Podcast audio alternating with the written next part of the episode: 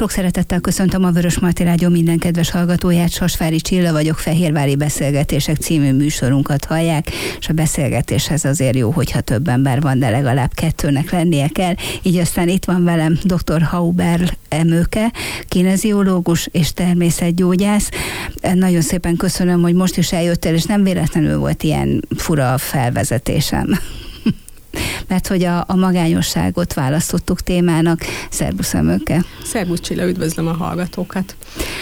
Erről a témáról azért mindenképpen fontos és érdemes beszélgetni, mert hogy sajnos ez egy adott probléma, és több oldalon is érdemes megközelíteni. Mi már beszélgettünk arról, hogy a lelki problémák előbb-utóbb fizikailag is megjelennek a szervezetbe. Bocsánat, hogy mindjárt ezzel vágok bele. A magányosság is okozhat betegséget? Hát abszolút, tehát ugye ez a korunknak egyébként egy nagy népbetegsége, tehát annak ellenére, hogy ugye benne élünk egy információs társadalomba, de valahogy az élet, főleg most ugye a járványhelyzet miatt egyre inkább beszorított minket ugye az internetnek a világába, és azt tapasztalom én terapeutaként, hogy a kapcsolatok, tehát az igazi valódi emberi kapcsolatok, a közösségi kapcsolatoknak a formáló ereje, a baráti támogató kapcsolatok, ugye egyre inkább távolodtak, de hát még a családi kapcsolatok is és egyre nagyobb elszigetelődés és magányosság érzés tud ezáltal megjelenni az emberekbe, hiszen ezek inkább ilyen fiktív jellegű kapcsolatok. Tehát valójában alkalmasak arra, hogy mi ne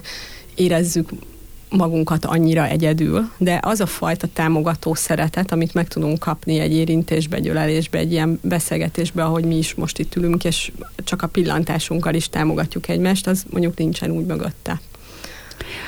Um Érdekes, most az jutott eszembe, pedig ez nem a magányossággal függ össze, de ha már az internetes kapcsolatot tartással néhány évvel ezelőtt ö, szakembereket hallottam arról, hogy milyen problémákat okoz az internet érzelem felfokozó ereje, hogy, hogy olyan fura szerelmek alakulnak ki ö, interneten keresztül emberek között, amik aztán a valóságban abszolút nem működhetnek. Hát abszolút, mert ugye ez mindent elvisel tehát nem tudod a realitás érzéket nagyon becsapja.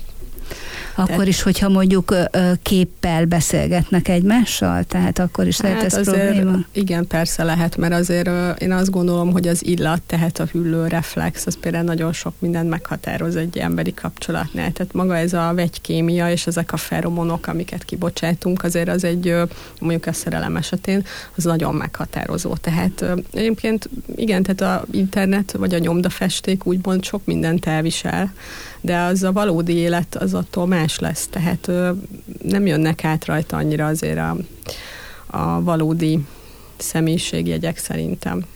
Hogy visszatérjünk a magányosságra, most elsősorban én az időseket fogom említeni, de nem csak az idősek lehetnek magányosak, és nem csak ők magányosak konkrétan, de az idősebbeket emlegetem, akkor egy picit azért mellette szólnék, hogy ha az internetet kell választani a emberi kapcsolattartásra, akkor azért csinál valamit, valamivel lefoglalja magát, valamivel a agytorna ugye mennyire fontos idősebb korban, és ezt magam tudom mondani, ugye volt a, a pandémiának egy olyan időszaka, amikor, amikor még jobban el voltunk zárva, amikor tényleg el voltunk zárva, és annyira jó volt az unokákat látni, ha más nem, azon a kis monitoron, amit egy laptop lehetővé tesz, vagy egy telefonon. Hát, hogyha ezt a megfelelő helyen kezeljük, akkor ezzel szerintem nincsen semmi baj. Igazából gondolkoztam, hogy filozófiailag honnan közelítsünk, de Sartre írta, hogyha az ember egyedül van, és magányosnak érzi magát, akkor nincsen jó társaságban. Tehát valahol úgy kell megközelíteni, hogy ez a magányosság érzés, ez érzelmileg bennünk születik meg. Ugye a kérdés az az, hogy mennyire állandósult állapotról van szó, vagy mennyire egy rövidebb ideig tartó periódusról. Ugye minél hosszabb ideig tart, annál inkább érzi az ember ezt a kirekesztettséget, elválasztottságot, szorongást, és nyilván ahogy a vége fele halad az életének, ugye ez egyre inkább fokozódni fog, bár egyébként ugye gyerekkorban is érezheti ezt a gyermek, amikor elhagyják, nem táplálják megfelelően, esetleg elveszíti a szüleit, ne adj Isten. És ugye ez az egész személyiség fejlődésére óriási kihatással lesz.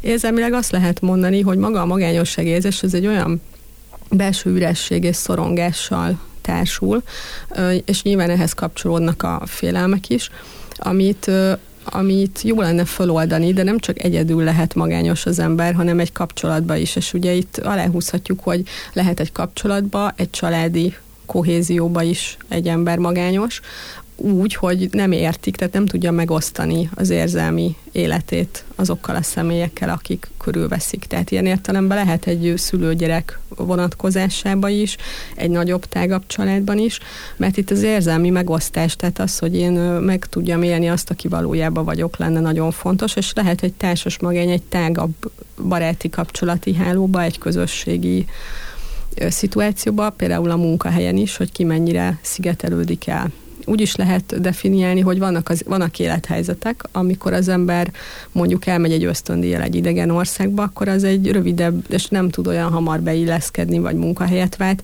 Ezekben a szituációkban is érzi sokszor az ember magát magányosnak. A kérdés az az, hogyha ez állandósul, tehát több éve tart már, és ez ilyen krónikus, akkor ez már tényleg, ahogy te is mondtad, komoly mentális, fizikai szinten megjelenő problémákat okozhat a szervezetbe.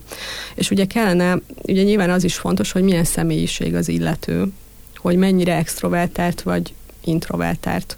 Mert ugye egy extrovertált személyiség azért az a közösségben jobban meg tudja élni a saját, tehát ő szeret szerepelni, megnyilatkozik, oda teszi magát a középpontba, kevésbé akar visszavonulni. Tehát a extrovertált személyiségek kevésbé magányosak, mondjuk ezt így nem mondhatjuk ki százszerzékben, de kevésbé hajlamosak a igazi magányosságra talán. Öm, az introvertált személyiség az annyiban egy picit más, hogy eleve nem szeret annyira föloldódni, tehát ő inkább magába vonul vissza. És hát neki ilyen szempontból azért nyilván egy picit nehezebb, viszont azért az is egy fontos dolog, én úgy gondolom, hogy tényleg az a korszak, hogy honnan indul, mert ugye azért a minták, amiket látunk a családba, tehát hogyha valakinek van egy mondjuk egy nagyon magányosságra hajló, tehát ilyen befelezáró, nem beszélő karakterisztikus szülő, mondjuk, akkor a gyerek már egész pici kortól érezheti magát nagyon magányosnak, hiszen nem zajlik olyan érzelmi interakció, amitől ő biztonságban érzi magát. Mert az ember bízik, hogy, hogy a szülő, még ha ilyen típus is, azért a gyerek felé csak nyílik valamilyen szinten. Nekem a sport jutott eszembe arról, amit most mondtál, hogy nyilván aki, aki inkább bezárkózó, az, az mondjuk hosszú távfutó lesz, ahol ő önmagában van. Tájfutó Igen. Aki viszont, aki viszont nyitottabb, az biztos valamiféle csapatban, vagy csapatjátékban, vagy, vagy csapathajóba ül be. Hát igen, és ezek most kimaradtak nagyon. Tehát ugye ez is kiesett ugye a jelen helyzet miatt, és ugye ahogy összezáródtak ugye egy kicsit térbe az emberek, ott jött ki nagyon az, hogy lehet, hogy nem is értik azt a családokba, hogy ugye eléltek egymás mellett, és ahogy ugye, ahogy te is mondtad, ez a kényszerhelyzet össze ö, össze kellett, hogy az ember húzza magát, és a belső előtartalékai felé fordítsa a figyelmét, és kiderült, hogy, hogy még sincsenek stabil érzelmi kapcsolatok, és aztán ebből rengeteg fizikai megbetegedés került aztán napvilágra, főleg amikor ugye újra volt egy pici nyitás. De valójában véve én azt tartom azért egy picit fontosnak, hogy azok, amikor valakinek olyan személyiség karaktere, hogy nagyon perfekcionista például, mondjuk nagyon maximalista, azok is azért ö, súlyosbítják ezt a magányosságérzést, hiszen az ember ugye még a maga gyengeségeit se szívesen fogadja el, tehát úgy nehezebb társulni, mert akkor egy baromi nagy szűrőn kéne átmenni, akivel én társas kapcsolatot létesítek, akár baráti, akár szerelmi, bármilyen téren, mert nem biztos, hogy átviszi azt a mércét, úgyhogy ez is lehet egyébként a magányosságnak az egyik oka, hogy én túlságosan megítélem, vagy egy olyan szűrőn próbálom megvizsgálni, hogy tulajdonképpen nem tud hozzám fölnőni senki. Egyébként a nagyon maximalista emberek azért jellemzően magányosak. Nem tudom, hogy jó feltételezése, hogy a pandémia időszakát akkor ezek szerint ezen a téren, magányos vagy nem magányos téren, talán könnyebben élte meg a hosszú távfutó, mert hogy ő ehhez van, erre van berendezkedve. Tehát neki ez nem volt új. Hát igen, mert ő azért egy komoly munkát a természetben. Most nem feltétlenül, bocsánat, csak ezt hoztam például, te, hát aki ilyen típus. van. Igen, igen, igen. Hát ő igen, mert ő eleve onnan meríti az erőtartalékot a megújuláshoz. Hogy ő magában van. Egyébként általában a mai korembere nem igazán szeret egyedül lenni, tehát ez azért van, mert akkor el kell gondolkozni azért azokon a dolgokon, amik belső folyamatok, és ez egy óriási tükröt tart, tehát önmagában a csendbe levés, hogy az ember csak egy percig ne gondoljon semmire hát az is borzasztóan nehéz. Tehát ezért volt régen is ugye az imádságnak óriási ereje, vagy a mantrázásnak, mert amikor ugye elmondok egy szent szöveget, akkor ugye azért a gondolatok, mert ott más gondolat nem lehet. Tehát ott igazából ott az elme nem, ott csont van az elmében, de nehéz ez, és hát való igaz, hogy ahogy te is mondod, a pandémia alatt ugye az volt nagyon nehéz, hogy akik ugye home office-ba dolgoztak, és mondjuk otthon volt még három gyerek, és mindez egy lakásba. És akkor a gyerekek ugye próbálták írni a leckét, de ugye, vala, ugye ott is különböző módszerek voltak, hogy van-e tényleg tényleges online oktatás, vagy ki van adva a feladat. És akkor, hát mondjuk ezt így elképzelje az ember két szobába, hogy egy folyamatosan háromféle életkorú gyerek, háromféle órája a saját munka, a, a, arra odafigyelés, hát ez borzasztóan nehéz azért. És hát ez fölfokozta azokat a helyzeteket, és rávilágította arra, hogy valójában mekkora az embernek a tűrőképessége. Igen, ez kétféleképpen csapódott le egyébként itt családokkal, ahogy beszélgettem abban az időszakban. Hát volt, ahol nyilván a szülők azért elfáradtak, úgy, úgy alig várták, hogy, hogy szabadulni lehessen egy kicsit, bár tényleg kimerültek, de volt, ahol kifejezetten összekovácsolt a családot. Muszáj volt összeszokni, muszáj volt összecsiszolódni, hiszen folyamatában együtt voltak. Abszolút, és én azt gondolom, hogy ugye a közösségnek az a szervező ereje, hogy újra lehet ilyenkor ö, alkotni a feladatokat, hogy kinek mi a dolga, ki mibe segít, főzünk együtt, takarítunk együtt, tehát tehát van, van, van ennek nagyon-nagyon szép oldala, én is láttam azért ezt is, de igénybevevős időszakon vagyunk túl, és én azt láttam, hogy ugye az is egy probléma volt, hogy azért a gyerekeknek se tett jót az, hogy ahogy te is mondod, hogy nem voltak fizikailag elfáradva, mert ugye nem tudtak elmenni úgy sportolni, hát ez ugye egy tele energiával levő embernél ez borzasztóan nehéz, hát ez elfolytásokat fog mindenképpen okozni, mert ugye az, hogy egész nap csak ülök, és a tableten kommunikálok a barátaimmal, mert nem tudok átmenni, nem tudunk lemenni úgy focizni, kosarazni, főleg ugye ezeknél a csapat sportoknál, ugye hónapokig vagy hát fél évig is elmaradtak az edzések, és azért szerintem, hogyha valaki szíve lélekkel sportol, és tudom, hogy te is sportember voltál, meg én is, ott ez egy óriási hosszú idő, tehát olyan vágyakozik az ember, tehát nincsen meg az a öröm, hát igen, ez a, egyfajta dopamin termeléses jutalmazás, hogy olyan jó, hogy amit, amit megér olyankor az ember. Képzelj, képzelj el egy olyan helyzetet, hogy család, több tíz év alatti gyermekkel, apuka, anyuka otthon, és mondjuk apuka covidos. Mit csinál az ilyenkor az apuka? Ugye védi a családját, bezárkózik a szobájába. 15 napra hogy ő ott mennyire magányos, és hogy mi jár a fejében, miközben köhög, fuldoklik, rosszul van, lázas, lefeküdni nem tud, ülni nem tud, mert azt se tudja, mi a jobb, és közben esetleg hallja a gyerekeket kint szaladgálni elképesztő lehet, ez szellemileg megterhelő, és arra 15 napra a legbarátkozósabb ember is magányos lesz a betegségével. Hát abszolút hova tovább, ugye ez a tüdő meridián, mint funkciókört terheli ugye a kínai jöttelem medicinába. Tüdővastagbél, tehát immunrendszer és maga a tüdő, és tényleg az, az hogy hogy a levegőjér, ami, ami itt tart a világba. Tehát az első lélegzetvétellel jövök, az utolsóval távozom, és azért kell küzdenem. Hát olyan kiszolgáltatottá teszi az embert önmagába a levegőtlenségnek a, az érzése, hogy elindul az összes halálfélelem, az összes szorongás, azok a, az érzések, hogy úristen lehet, hogy három perc múlva nem is élek már, és nem fogom őket látni felnőni. Mondjuk, ne, ha például ugye nagyon sok post-covid tünet volt ez, hogy nem érzünk ízeket, illatokat utána még hónapokig, lett még egy évig se. És az is szörnyű, mert gyakorlatilag az a életbemaradási funkció, amit úgy hívok, hogy hüllőreflex, amiből tudom, hogy ezt nem ehetném meg, mert rossz az illata, romlott, stb. Hát ez mind, mind kikerül. Tehát még ráadásul... Vagy ég valami Pontosan, tehát ez mind rontja az életben maradási esélyeimet.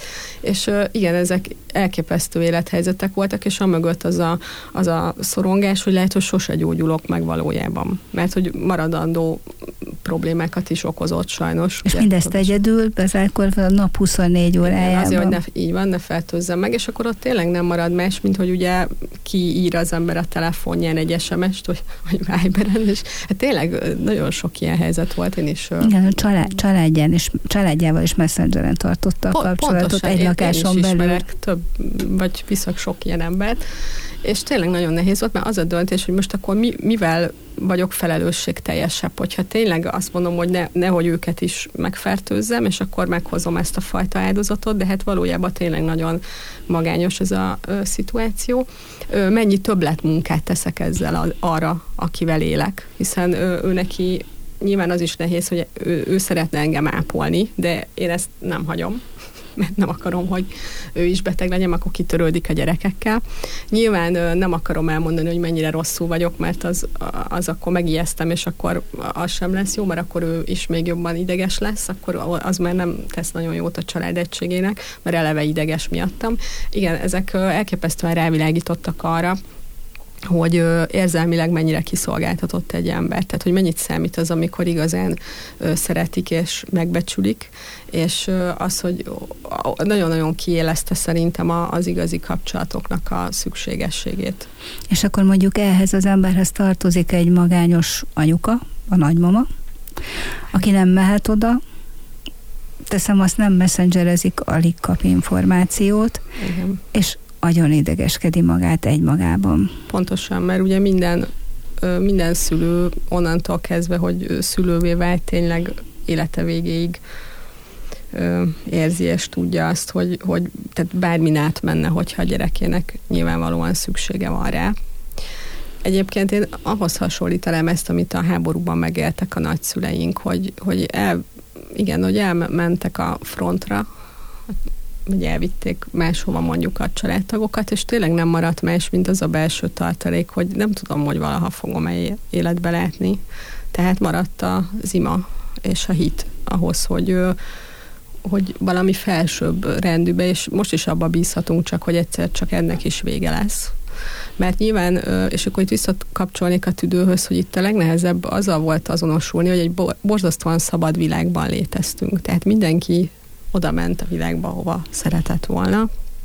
Ez ugye nyilván pénzügyi és anyagi kérdések, de alapvetően egy nyitott világban éltünk, és nem, él, nem éltük meg ezt a korlátozást. Egyébként az a generáció, amit mondasz, nagyszülők sokkal jobban bírták, mert ők ebből kaptak egy nagyon-nagyon kemény leckét, hogy milyen volt ez és nekik van ehhez tényleg erőtartalékuk, ami viszont a mi generációnkra már sajnos kevésbé volt jellemző, és a mi gyerekeinkre meg még kevésbé és rávilágította arra, hogy a, a szabadság az egy, ez egy osztatlan dolog, tehát ilyen félszabadok nem, tehát ezt nem szereti az ember, tehát vagy szabadnak érzi magát, vagy nem. És a szabadságtól való megvonás az olyan, mint a, a fulladás érzés egy picit, amikor így el, elszigetelődik a, az ember.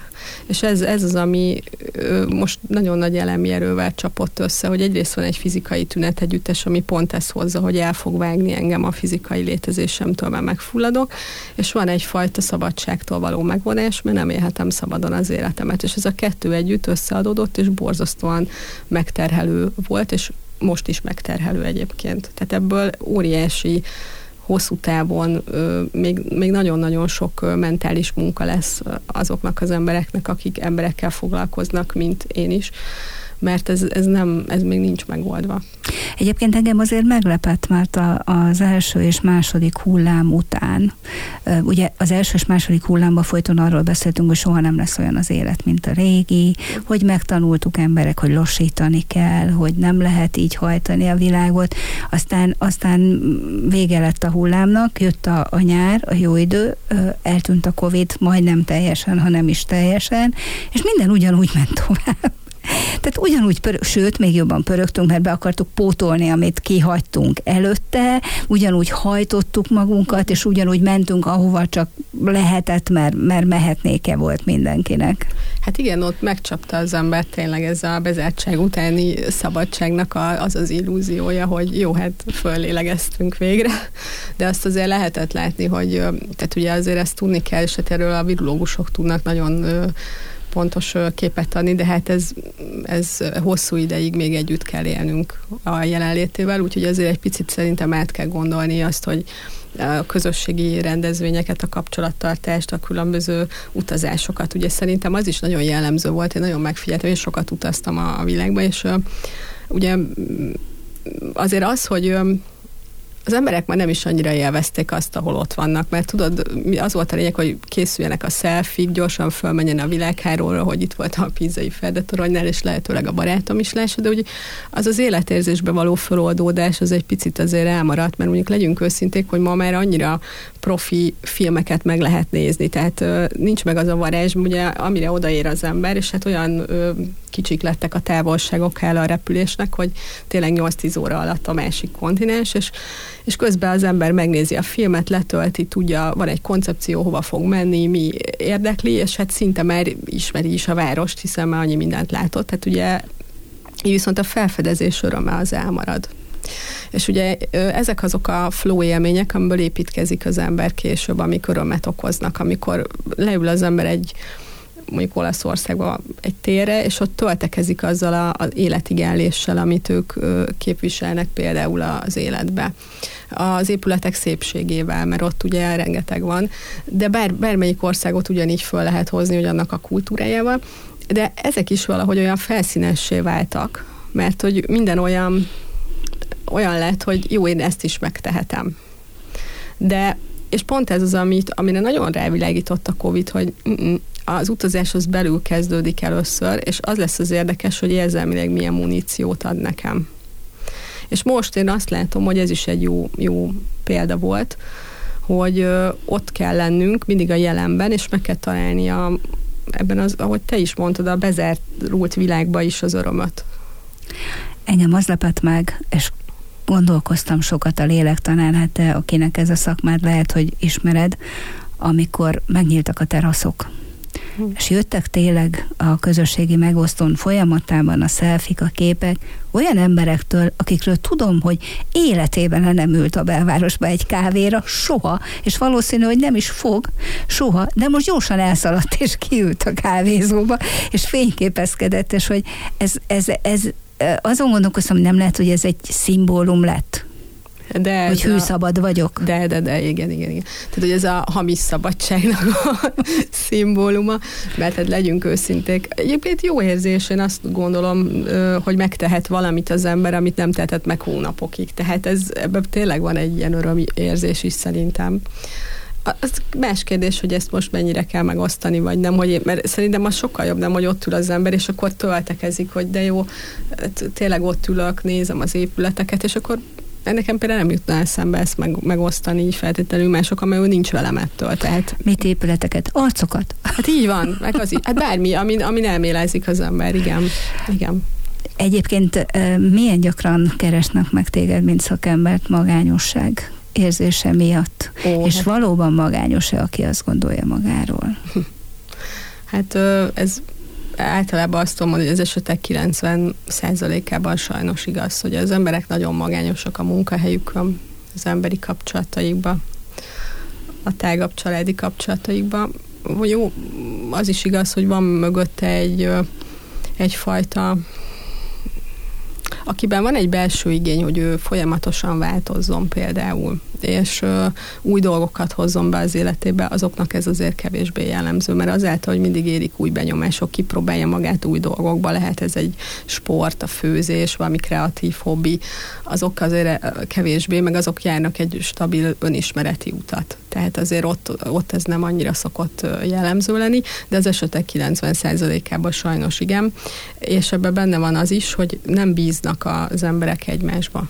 Tehát az igazi szeretet alapú bizalom az sajnos nagyon ritka esetben van meg. Olyan, mint hogyha az ember emberének a far, farkasa, tehát, tehát mindenki félti nagyon magát, és ezért nem meri átadni magát az emberi kapcsolatokba, és ez, ez, ez már elindítja ezt a fajta elszigeteltséget. A bezárkózott magányos ember nyitott arra, hogy segítséget keressen? Hát ha belülről születik meg, hogy ő már ő így nem szeretne élni, akkor igen. Úgy, hogy csak arra gondolt, hogy hát segítsen rajta valaki, ez nem fog menni, mert ez bármelyik utat válasszuk, tehát akár a pszichológia, akár valamilyen coaching, vagy mediáció, mindegy is, ahhoz az kell, hogy ő hajlandó legyen kimozdulni a komfortzónájából, és bizonyos dolgokat, amit a terapeuta vagy a terápiás javaslatban majd elhangzik, azokat megtegye önmagáért. És ebbe ugye, hogyha hosszú időn át fönnáll, tehát mondjuk tételezzük fel, hogy több mint, mert ugye az állandósult állapot az egy ilyen két év, amikor már ilyen tényleg krónikus szorongás, félelmek, tehát amik már azért tényleg szakembert igényelnek, ott nyilván lesz egy ilyen terápiás tervezet, hogy miket kell neki megtenni. Na most, ha ő azokat nem csinálja, és ebben egész pici dolgok borzasztó nehézséget okozhatnak, mondjuk, amit, hogy mondjuk mondja a terapeuta, hogy jó, akkor ugye elindul egy személyiséganalízis, hogy honnan indult nála, mi volt az az élethelyzet, és akkor elérkeznek odáig a terápiába, hogy jó, akkor most a home office helyett kéne keresni egy olyan munkahelyet, ahova te bemész dolgozni hogy találkozzál emberekkel.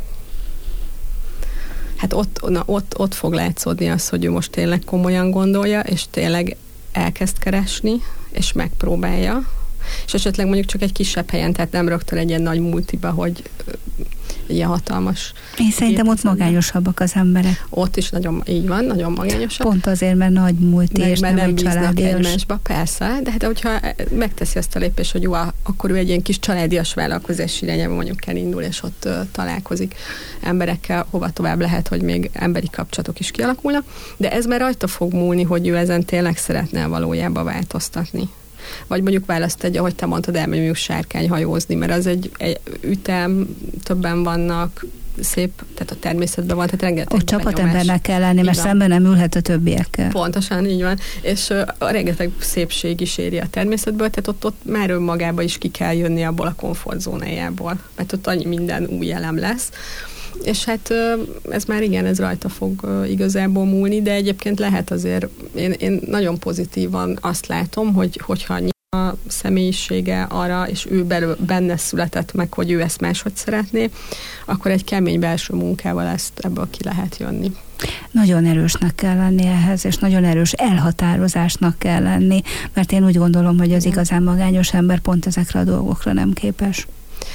Hát ugye az a számomra, aki így a lelkisikokkal foglalkozik, számomra az a kérdés, hogy, hogy valójában véve, ha én hiszek egy, egy nálam hatalmasabb rendű létezésében, amit Einstein úgy fogalmazott meg, hogy valami csak életre hívta a világegyetemet, ha a kvantumfizika oldaláról közelítünk, de a hit oldaláról, akkor mondjuk a mindenhatóba teremtőbe, akkor igazából soha nem lehetek magányos és ez ad egy olyan belső tartást, hiszen lényegében sosem vagy egy magad, csak túl kicsinke vagy, tehát ez, ez tényleg így van, de hogy benned ott van, tehát ugye az ő példájára, mintájára vagy itt jelen, egy apró letükröződésként, és megvan benned az a potenciál ami benne is, csak erről most vagy tudatos az ember, vagy nem, de ha tudatos, akkor nem érzi magát igazából egyedül. Akkor azt látja, akkor mindenben meg tudja látni a szépséget, és minden, ami vele történik, megérti, érti a jeleket, tudja, hogy ez egy tanulási folyamat, azáltal, hogy ő jobbá váljon, hogy ő fejlődjön,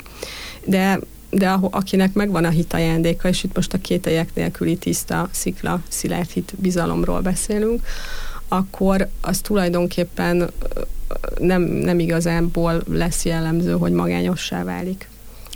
Megy manapság a televízióban egy reklámfilm, nem tudom mennyire tévézel látta le, egy idősebb bácsiról szól, aki a hentesnél szeret elbeszélgetni, hogy valakivel beszélgessen, nagyon kedvesen, bájosan, közvetlenül aztán beér a saját lakásába, és ott ugye teljesen egyedül van. A reklám része ott van, hogy kap egy telefont persze, és aztán majd jön egy család, mert felhívják, hogy jöhetnek, de lényeg az, hogy azt látjuk, hogy egyedül van, hogy ránéz a felesége képére, nyilván látszik, hogy ő már nem él egyebek, és én azon gondolkoztam, hogy a bácsi nem magányos feltétlen, hiszen olyan bájosan beszélgetett lent a hentesnél, hanem gyászol.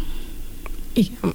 Ha, szerintem a gyász az egy nagyon fontos folyamata az ember életének, és akkor az hosszú ideig tart az emberbe. Tehát, és igen, sírni akkor kell, amikor megérinti a, az embert ez a dolog, és, és annyiszor, ahányszor meg, nyilván megérinti. És az, hogy, hogy, el, hogy mennyi idő elgyászolni egy szeretett szemét, az, az néha utólag értjük meg, hogy mennyi mindent tettek hozzá a, ezek a személyek, akik már nincsenek velünk a létezésünkhöz, hogy hogy formáltak minket, hogy, és itt nem is csak a fizikai hiányra, bár ugye az is tapintható, főleg, hogyha az ember benne marad abba a közegbe, ahol együtt, mondjuk vegyük ezt a példát, együtt éltek, akkor minden, amire ránéz az ember, az, az fáj. Tehát, hogy ott ült, ott feküdt le mellettem, és valaki úgy tud jobban gyászt feldolgozni, nekem az a tapasztalatom, hogy mindent úgy hagy. Mert tisztelte és szerette annyira, és az az állandóság, vagy az, a, az neki nagyon fontos. Úgy, úgy tud jobban. És van, aki meg úgy, hogy, hogy kilép belőle. Azt mondja, hogy nem, ezt e, Szerintem mind a, mind a, attól függ, hogy tényleg milyen személyiségről beszélünk, mind a kettőnek van létjogosultsága, de a gyász, ha, ha nem tudjuk egyedül magunkba végvinni, az mindenképpen igényel egy, egy terapeutát, aki Egyébként segít. A gyász magányossá tesz? Bizonyos szempontból igen. Mert ezt egyedül kell megélni, önmagunknak igen. kell megélni. Igen, ez egy belső spirál, amin végig kell mennünk, meg kell értenünk minden, és az azért is egy magányos folyamat, mert tudom, hogy egyszer én is meg fogok halni, és abban egyedül van mindenki bizonyos szempontból mert az elmúlás tényét, azt jó, most hogyha az ember hirtelen hal meg, és tudom, hogy ugye ez is felbetül, akkor nincs ideje felkészülni, de pont a Covid szerintem erre is rávilágított, hogy rengeteg életkortól független meglepő halálesettel találta magát mindenki szembe, és ez rávilágított arra, hogy, hogy ezt erre tudatosan fel kell készülni, ez bármelyik pillanatban lehet. És ez is egy óriási belső erőt kíván meg. Magányosságról leggyakrabban karácsony idején, vagy nagyobb ünnepek, de inkább karácsony idején beszélünk. Miért van az, hogy, hogy abban az időszakban jobban felerősödik az emberekben a magányosság érzet? Hát mert ugye nagyon hosszúak a, az éjszakák, és rövidek a nappalok, tehát eleve sötét van, és tehát a fényhiány az, az tapinthatóan növeli a szorongásokat, ugye azokban az országokban, ahol ugye nagyon kevés a, a világos órák száma, ott nagyon sok lesz az alkoholista, különböző szorongásos tünetegyüttesek erősebbek. Ettől mi sem maradunk el, nagyon. Nem, ettől mi sem, igen. így van. De ez valószínűleg azért így még, még inkább, mert hogy a természetben is ugye ez a, a kicsi halál tehát, hogy minden visszamegy, tehát minden visszatükrözi, hogy elmúlik. Tehát lehullanak a levelek, megy minden vissza, jön a hideg.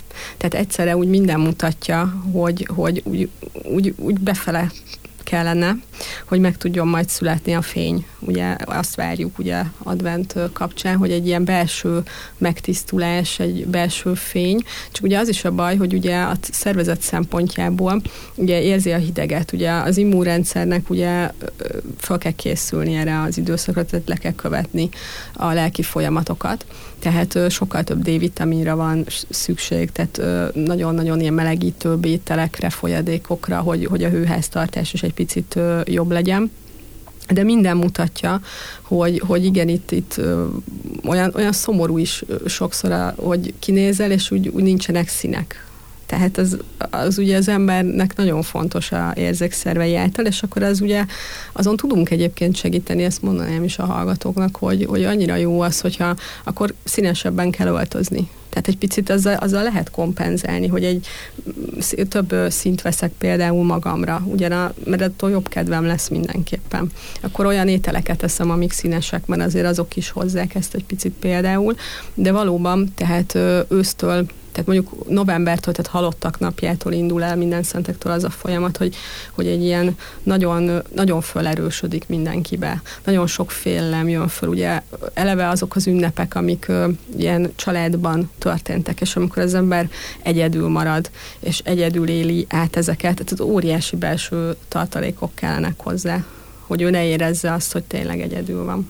Egyébként érdekes, én amikor egyedül éltem, azért nem karácsonykor éreztem annyira, mert, mert akkor mi, mi magunknak annyi fényt csinálunk. Igen. Az a sok apró gyönyörű lámpa és világítás kint bent, most már kint is csodák vannak, Igen. azok azért tényleg feltöltik valamelyest az embert, meg akkor még, még azért úgy, úgy nálam nem, nálam februárban szokott ez úgy kiéleződni, hogy addigra úgy elfogy a hangulatom a sötéttől és, és mindentől, és nagyon sokakat hallok, aki, aki azt mondja, hogy ja, jön a, a februári depi. Hát igen, addigra fárad el a fizikai szervezet is, és már nagyon vágyna arra, hogy, hogy több fény legyen. De egyébként, ahogy mondod, az ünnepek azért azok ugye fölfényesítik a lelket, és akkor annyi elfoglaltság van, tehát eleve, hogy nincs idő. Na, viszont ott van egy ilyen szünet, vagy lementek az ünnepek, és, és ugye még jön a farsang, tehát akkor még esetleg valami pici vidámség, de utána tényleg érzi mindenki. Egyébként ezek az ünnepek azért strapásak lettek, mert ugye mindenkinek a, a család, tehát hogy a nagy a család, ugye azért elmentünk nagyon az ajándékozás irányába, de ha most az ember maga készíti az ajándékokat, ezek mind olyan jó elfoglaltságok, amiben meg lehet élni egy ilyen flót, egy ilyen szépséget, hiszen az ember szeretettel gondol arra, akinek készíti, legyen az egy étel, maga az ajándék, a kiválasztás, tehát ezek azért rengeteg örömet okoznak. Viszont azért fárasztó is, mert ugye fizikailag igénybevevős, mert be kell szerezni, meg kell csinálni, tehát hogy, és ez, ez mind, mind, mind azért egy, egy tudatos olyan dolgot is igényel, hogy kicsit többet kell aludni, mert azért minden mutatja, hogy azért is ilyen hosszú ez a sötétség, csak ugye arra nincs idő. Tehát azért a legtöbb ember, én, én úgy látom, a saját, persze én csak arról tudok beszélni, aki leül velem szembe, tehát átlagosan napi 5-6 órát alszik, maximum. De ez azért elég kevés ahhoz, hogy a cirkadián ritmus és az emberi szervezet, és főleg a hormonrendszer egy-egy jó működést tudjon produkálni. Ugye elfogynak az erőtartalékok is, hova tovább ugye az is, hogy a, ebbe a karácsonyi időszakban az ember elmegy, és mindenhol, tehát jó esetben, most, hogyha el tudunk majd menni a szeretteinket ugye meglátogatni, de ha nem, akkor otthon, hogy, hogy mindenből eszik egy kicsit, kicsit ezt, kicsit azt, akkor ugye nem akarja megbenteni a másikat, tehát ott is, tehát tehát, hogy nem, ez nem biztos, hogy feltétlenül mindig jó, mert van egy, egyfajta ilyen túllevéses dolog is, ami mögött ott van az, hogy hát tényleg szeretettel készítették. Tehát utána tehát ugye előtte az, hogy van egy pici bőjt, hogy felkészüljünk erre esetleg egy kicsit utána is, majd húsvétig az sose volt véletlen, mert azért ezt mindenki tapasztalta, hogy itt ezután ez nem fog rosszat tenni a szervezetnek. Viszont, ahogy mondtam is, az, az is egy probléma szerintem, hogy hogy nem pótoljuk ki feltétlenül. Nagyon sok korszerű tápanyag kiegészítő meg vitamin van, csak a, csak a szedésükkel vannak olyan szempontból problémák, hogyha nem rendszeres, akkor, akkor az úgy nem jó. Tehát ilyen ötletszerűen, hogy egy héten bevettem egy darab C-vitamint, meg ez, ezt így a szervezet nem tudja értelmezni. Tehát ebbe azért be kell mindenkinek egyedileg egy, meg kell figyelni, hogy mi az. Például ugye sokat idegesülik az ember, akkor a magnézium hiány is lehet például egy olyan probléma, hogy ugye teljesen befeszül, egyre több izom fájdalom jelenik meg, de a szívén is érzi például a magnézium hiányt, hogy sokkal fáradtabbnak érzi magát. Tehát én azért azt gondolom, hogy, hogy ezekre oda kell tudatosan picit figyelni, és kell kérni segítséget. Lassan elfogy az időnk, és tudom, hogy készültél, hiszen ott van előtted a sok-sok jegyzet a telefonban, de egyszer nem néztél bele. Elmondtuk, amit szerettél volna. Igen, én azt gondolom, hogy elmondtuk, de én, én soha nem megyek úgy, hogy nem készülök fel. Ez nyilván valószínűleg abból adódik, hogy... A jogász. Hát szerintem igen. Igen, valószínűleg az is. Meg az a fajta perfekcionizmus, hogy szeretem beleásni magamat egy témába, tehát hogyha beszélgetünk valamiről, akkor felkészül az ember. Én annak idején tanultam kommunikációt a Keltés Zsuzsától, és ő nagyon-nagyon szigorú volt, és nagyon meg, tehát azt mondta, hogy ha tiszteljük már meg egymást azzal, hogy felkészülünk egy kicsit, mindenképp, mert, mert azzal tudsz értéket adni, vagy, vagy teremteni. Még akkor is, hogy az embernek van egy nagy rutinja, szerintem tiszteljük meg a hallgatókat azzal, hogy fölkészülünk. Egyébként kérdezted, hogy nézek-e tévét, vagy egy reklámot. Hát 20 éve nincs tévém, tehát ezt egyszerű laikus elképzelni nem tudja. Ezt ne, nem, de azért, mert egyszerűen én azt gondolom, hogy minden, ami érdekes, azt egyébként a rádióban meg tudom hallgatni, tehát teljesen, vagy a neten is lehet követni, és természetesen ez nem azt jelenti, hogy nem nézek filmeket, vagy ilyesmit, csak én megválogatom, hogy mi az, ami, ami nekem igényes, vagy olyan szórakozást nyújt, és én nem szeretem azokat a fölösleges stresszeket beengedni az életemben, mert nekem nem töltő az, hogy mondjuk folyamatosan a híreket. Én azt gondolom, hogy ezt egyszer elég meghallgatni egy nap, és akkor tudja az ember, hogy, hogy hol él, tehát az is fontos, hogy tájékozott legyen, nem ezt vonjuk kétségbe, de én nekem sokkal feltöltőbb a természetbe levés, vagy az olvasás.